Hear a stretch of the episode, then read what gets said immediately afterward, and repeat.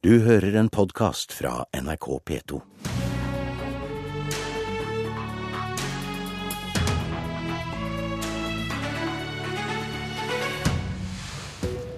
Oslo 20, Stavanger 20, Bergen 12, Drammen 12. Dette er ikke temperaturene, men tallet på år Høyre har styrt i de største byene.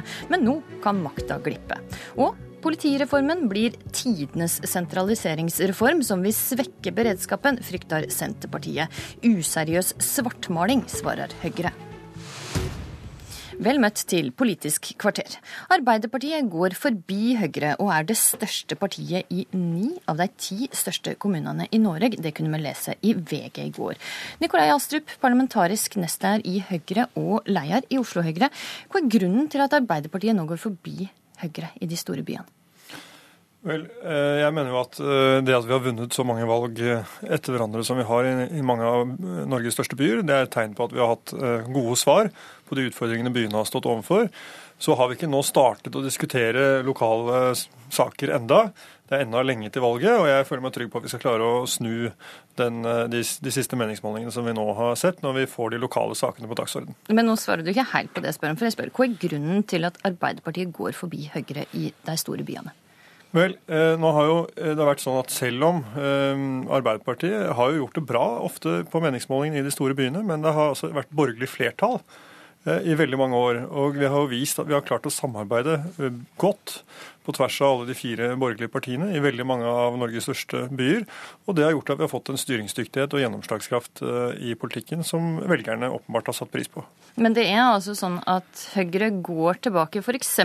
i din heimby Oslo, fra der en hadde 35% i 2011, der nå ligger på 25% på målinga.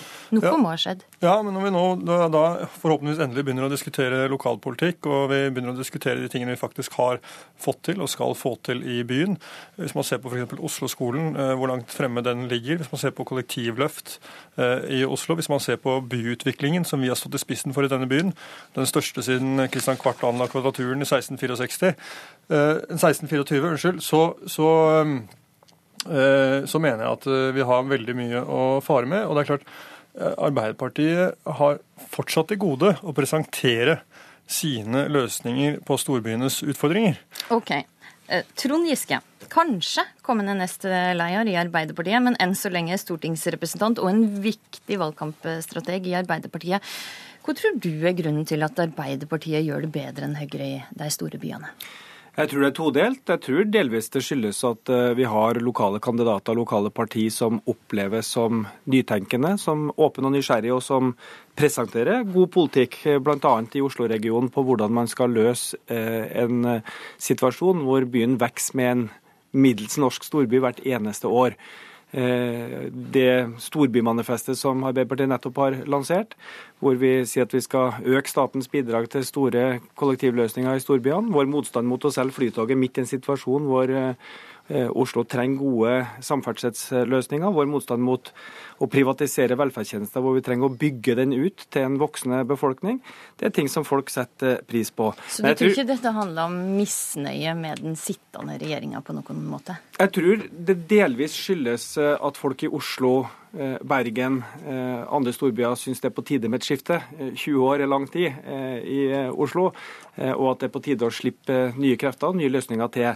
Men vi skal vel være så ærlige også og si at lokalpartiene til Arbeiderpartiet nyter godt av den nasjonale trenden. Folk er eh, nærmest litt sjokkert over hva høyrepolitikk egentlig er. En ting var at vi kanskje var forberedt på at de rike skulle få svære skattekutt, men at man skal ta de pengene fra uføre med barn, funksjonshemma som trenger bilstøtte, eldres eh, spaserstokk, altså den kulturelle spaserstokken, kutte fra de aller svakeste for å gi til de absolutt aller rikeste.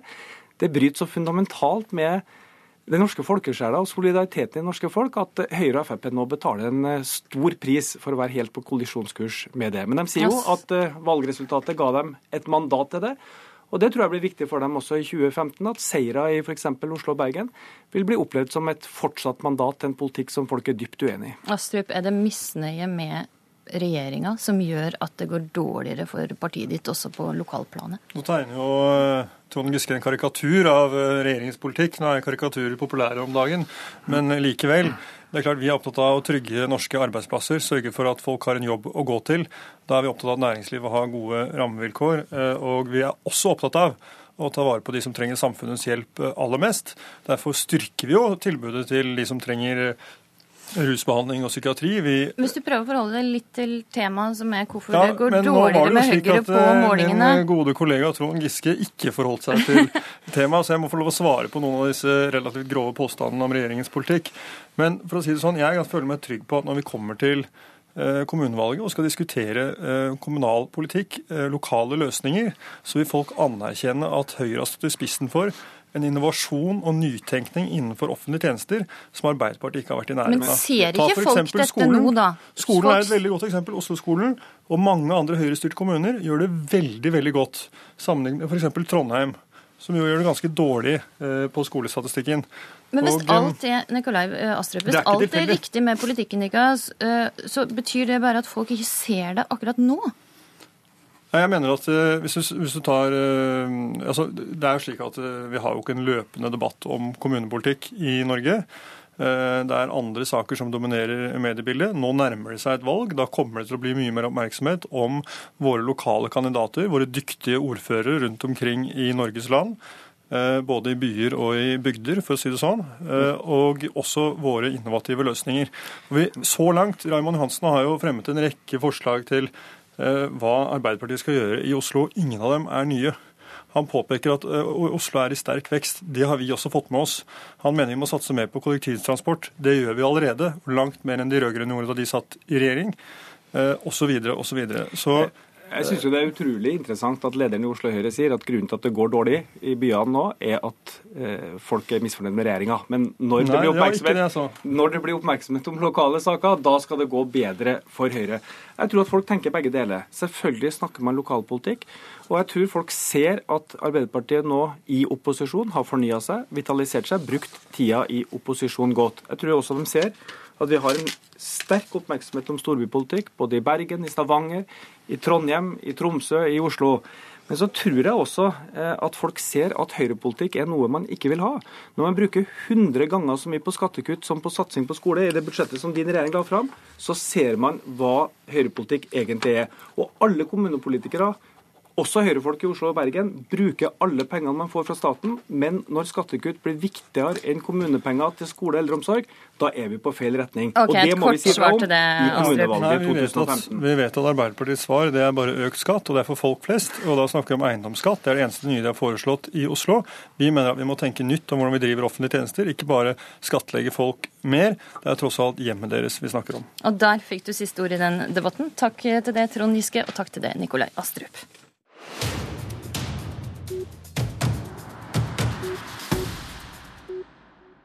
Vi skal fra eh, by til bygd her i Politisk kvarter. En ny politireform er nemlig like om hjørnet. Parlamentarisk leder i Senterpartiet, Marit Arnstad, du mener politireformen vil bli en sentraliseringsreform. Hva er grunnen til at du tror det kommer til å skje? Det er klart at Nå baserer jeg meg på den politianalysen som er framlagt, og eh, lekkasjer i avisene fra de forhandlingene som åpenbart pågår mellom regjeringspartiene og Venstre.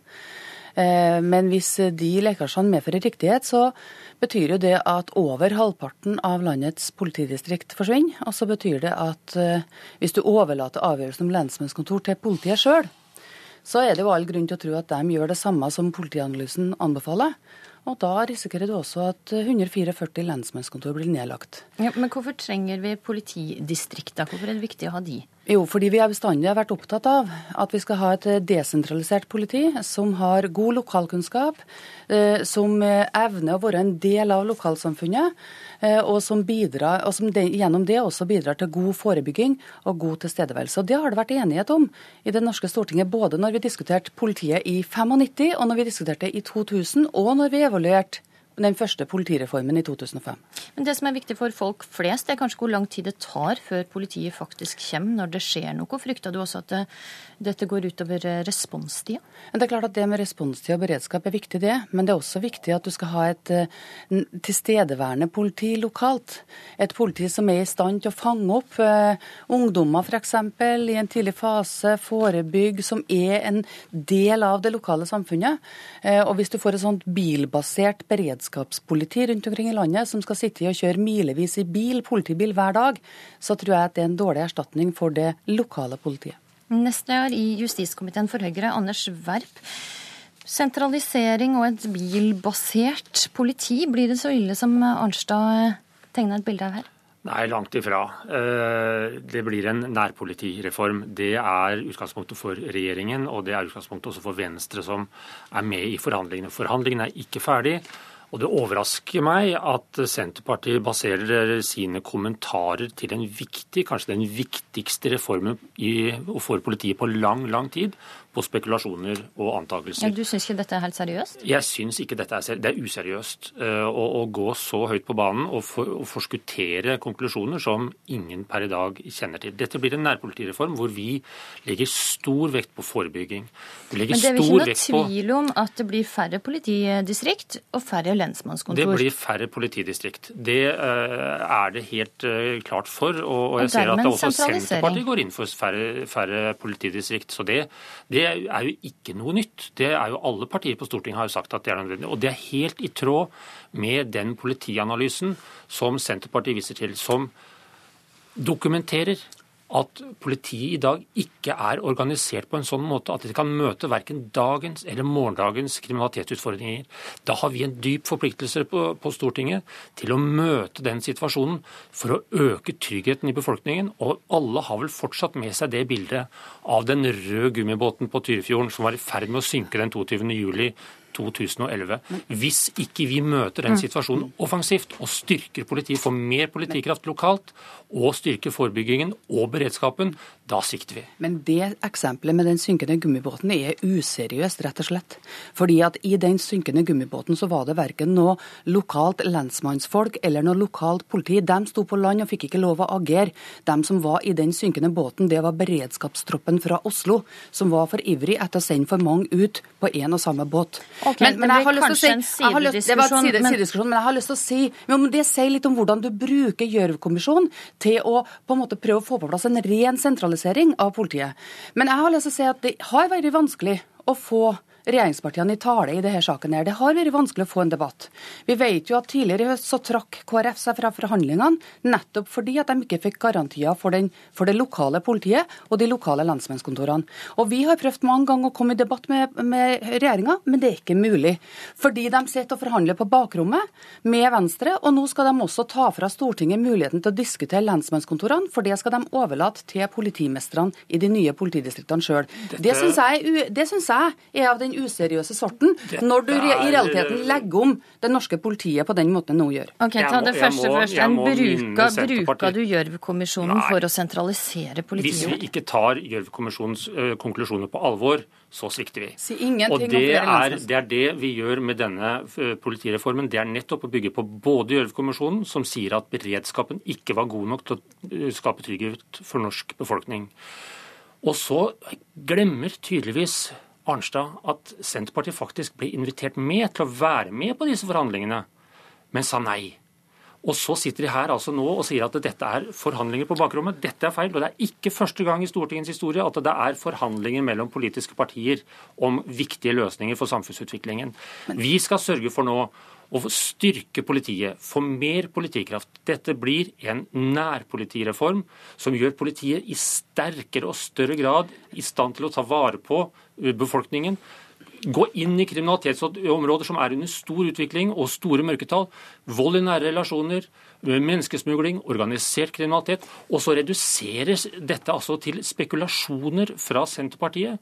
For Nei. at nå vet de tydeligvis mer enn vi som sitter i kjernen av forhandlingene, og så kaller de det, eh, setter etiketter som okay, ikke stemmer engang. Vi forholder oss til det vi har lest i avisene som åpenbart er lekkasjer også fra forhandlingene. Vi ønsker ikke å gå i forhandlinger og være en gissel for sentralisering, og jeg, jeg konstaterer at det ville heller ikke KrF. Og det gjør meg jo sterkt bekymra for hva som kommer til å være resultatet resultatet. Og der fikk du siste ordet i den debatten. Takk for at det kom til Politisk kvarter, Marit Arnstad og Anders Werp. Og det er altså venta at regjeringa legger fram politireformen i slutten av måneden eller i begynnelsen av februar. Du har hørt en podkast fra NRK P2.